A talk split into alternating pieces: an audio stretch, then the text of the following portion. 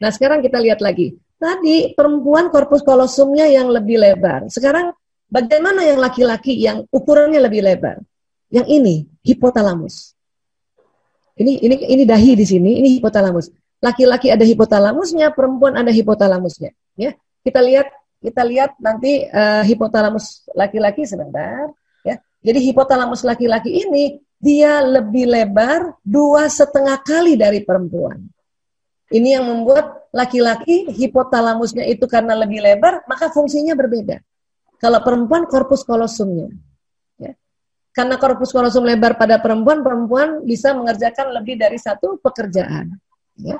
Dan kalau bapak-bapak disuruh gendong anak seperti ini, bantu setrika, dan juga masih ada harus telepon koleganya atau bosnya, ini susah sekali. Saat beralih dari tugas satu ke tugas berikutnya, otak pria tampak menggunakan energi lebih banyak daripada otak wanita. Jumlah sel yang diaktifkan juga lebih banyak pada otak pria daripada otak wanita. Artinya, laki-laki bisa nggak kayak gini? Bisa, tapi capek sekali. Kalau bapak-bapak sampai membantu kayak gini, membantu kerja di rumah kayak gini, ini susah. Karena laki-laki tadi kan fokus. Ya, kalau perempuan sudahlah potong-potong, masih juga gendong anak, bahkan ini anaknya menyusu ini ya masih juga telepon koleganya ini mukanya ceria aja karena korpus kolosumnya tebal. Laki-laki tipis dan hipotalamus laki-laki yang lebih lebar. Ya. Nah ini tadi tadi Pak Andi bilang mungkin ibu-ibu lagi ada yang setrika sambil juga dengar kajian online seminar online itu bisa. Dan itu enaknya kajian online bisa sambil disambi ya Bapak-bapak kalau kita titip anak seperti ini sesekali bisa, cuman capek sekali kesian kalau orang Makassar bilang kesian. Ah. Kodong, capeknya ini bapak-bapak kalau setiap hari dia harus jaga tiga anak begini. Ya, bapak-bapak otaknya tidak didesain seperti ini, lain. Ini otak ibu-ibu yang bisa seperti ini. nah, tapi kalau bantu seperti ini bisa nggak, bapak-bapak? Bisa, tapi karena karena ini satu satu pekerjaan kan, satu yeah. kerjaan. Jangan lagi sambil gendong anak, nggak bisa tuh. Atau dia kerja begini terus teleponnya nyala atau handphonenya bunyi dan dia ngomong lebih 10 menit, uh udah kacau balau sudah. Ya. Memang suami membantu pekerjaan istri di rumah kan sunnah. Ya, Aisyah radhiyallahu berkata Rasulullah SAW biasa membantu pekerjaan keluarganya di rumah. Jika telah tiba waktu sholat, beliau berdiri dan segera menuju sholat. Jadi kalau bapak-bapak bantuin kayak gini nih, bantuin masukin baju di mesin cuci, ini masih bisa. Tapi kalau sambil gendong anak, ini udah repot. Ya. Cuci boleh mencuci, tapi jangan sambil gendong anak. Atau mencuci baju kayak gini, bapak-bapak bisa, karena ini satu pekerjaan. Tapi kalau kita titip lagi anak yang masih kecil, yang belum ada kemandiriannya, duduk di samping sini, ini bisa gelinding itu anak, bapak nggak lihat. Kenapa? Karena bapak konsentrasi, pendengaran menurun, mata sudut matanya kan lurus. Jadi barangkali anak di sini dia makan batu itu dia nggak lihat karena memang bapak-bapak ini otaknya konsentrasi. Itulah makanya bapak-bapak diminta untuk melakukan pekerjaan khusus, bukan disambi-sambi. Ya. Nah, tadi hipotalamus saya kita kembali bicara. Ini laki-laki dua setengah kali lebih lebar dari perempuan. Sebelah mana itu hipotalamus? Ini dia nih, kalau kita lihat gambarnya. Dia persis di tengah otak itu di dahi kita agak di belakang, bentuknya segitiga ini, hipotalamus. Korpus kolosum di atasnya lagi itu. Laki-laki dua setengah kali lebih lebar. Kalau ini hipotalamusnya laki-laki, perempuan separuhnya itu, bahkan nggak sampai separuh. Ya, ini perbedaannya.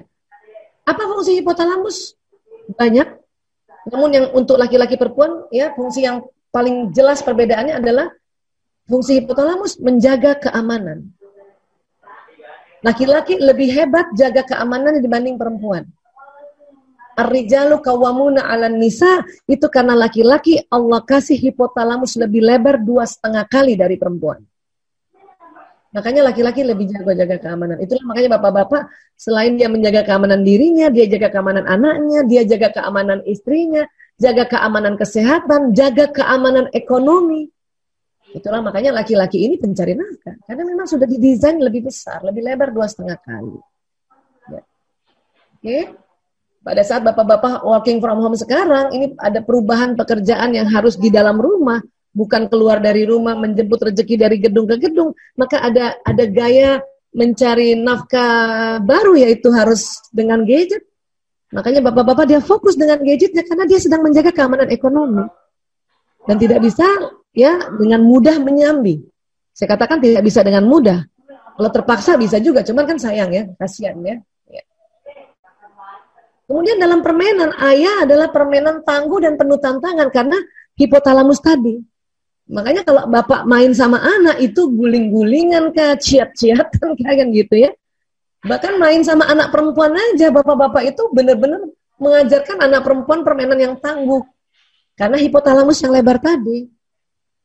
Dan bapak-bapak kalau kita titip main sama anaknya begini, ini bisa ini. Asal tidak pegang gadgetnya lagi. Ya. Dan bapak-bapak memang tidak sesanggup ibu-ibu e, menjaga anak-anak itu dalam waktu yang cukup lama. Bapak-bapak paling hanya 15 menit, 30 menit. Jadi kalau kita bilang sama suami, ayah saya mau sholat atau saya mau mandi, titip anak 15 menit ya. Itu laki-laki bersedia. Apa bersedianya? Pekerjaan yang di laptopnya dia tinggalkan. Tapi nggak boleh lama. Kalau 15 menit ya 15 menit, kalau setengah jam setengah jam. Sampai segitu masih bisa bapak-bapak ini. Karena dia tahu apa dia harus tetap harus cari nafkah lewat ya pekerjaan online-nya ini. Kadang-kadang kita perempuan, kita suka begini nih Pak. Mumpung yeah. anaknya sama mumpung anaknya sama ayahnya, eh bukan lagi 15 menit bisa dua jam itu dipakai waktu sama ibu untuk masih bebenah ini, bebenah itu.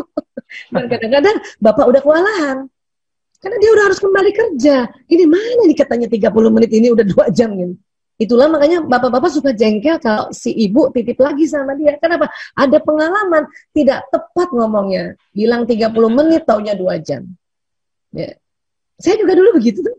Bayangin anak banyak. Saya juga dokter untuk narkoba pada saat itu. Ya kadang-kadang saya harus harus mau belum mandi, belum sholat gitu. Pas anak saya titip, ngomongnya udah benar. Ayah titip ya, sebentar aja. Sebentar aja kan kata kalimat sebentar kan itu pasti hitungannya menit ya. Tapi karena saya lihat ih sama ayahnya, uh macam-macam lah saya betulin betulin kasur lah, betulin lemari lah, akhirnya dua jam. Itu jadi marah-marah itu suami. Katanya sebentar. Iya sebentar Allah sekali-sekali. Padahal dia mau kerja kesian. Jadi makanya dia bingung ini kenapa harus begini.